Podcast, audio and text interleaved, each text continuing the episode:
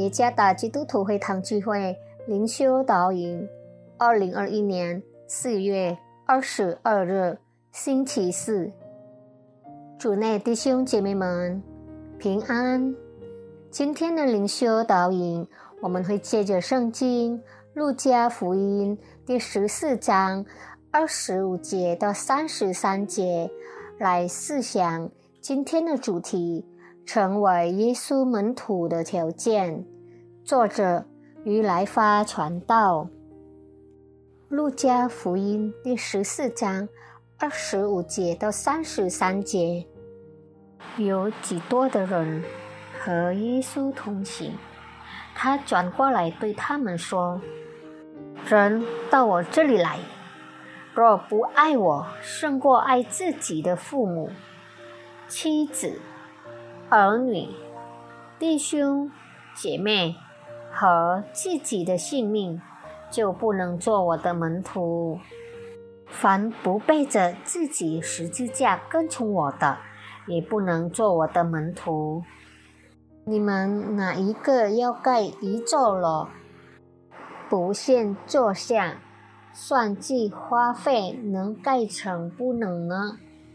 恐怕安了地基。不能成功，看见的人都笑话他，说这个人开了工，却不能完工，或是一个王出去和别的王打仗，岂不先坐下酌量，能用一万兵去敌那领二万兵来攻打他的吗？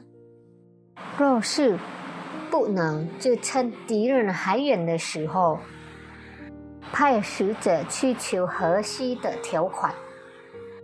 这样，你们无论什么人，若不撇下一切所有的，就不能做我的门徒。要进入飞行员学校，最低的身高要求为一百六十五厘米。要上小学，孩子必须年满六周岁。要通过印尼偶像试镜，必须有良好的声音。总而言之，想上学或参加比赛是有条件的。那么，要成为主耶稣的门徒，有什么条件呢？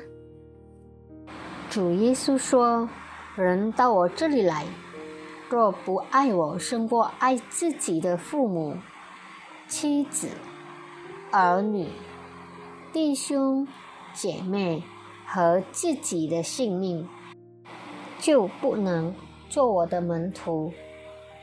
二十六节，耶稣这么说，并不意味着恨恶，而是意味着，如果我们想要成为耶稣的门徒，那么我们对他的承诺。应该优先与所有其他的承诺。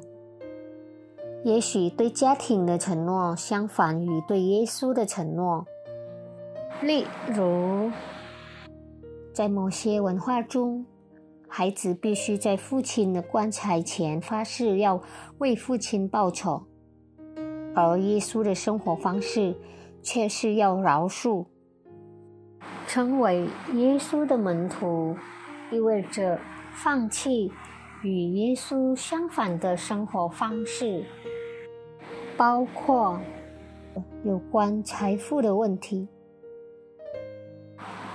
耶稣对一位想当他门徒的富有人说：“要变卖你一切所有的，分给穷人，就必有财宝在天上。你还要来。”跟从我，《路加福音》第十八章第二十二节。离开习惯老旧的生活方式或文化并不容易，需要牺牲和忍受痛苦的意愿。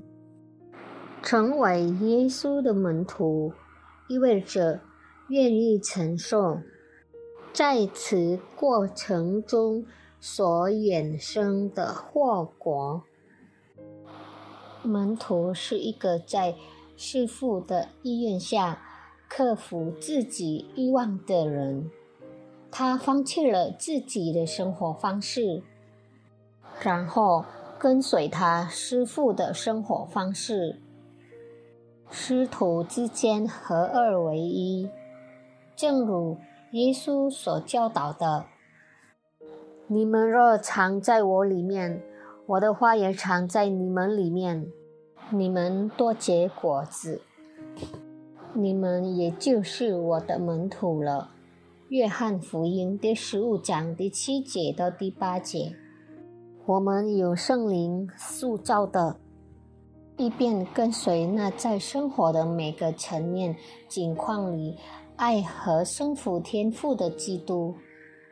在经历塑造的过程中，会遇到挑战，但上帝时刻赐予我们他的恩典，不断的托住。并引导我们继续努力跟随基督，直到我们生命的尽头。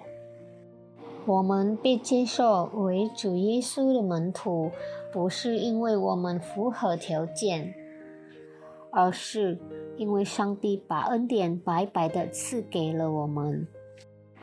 愿上帝赐福大家。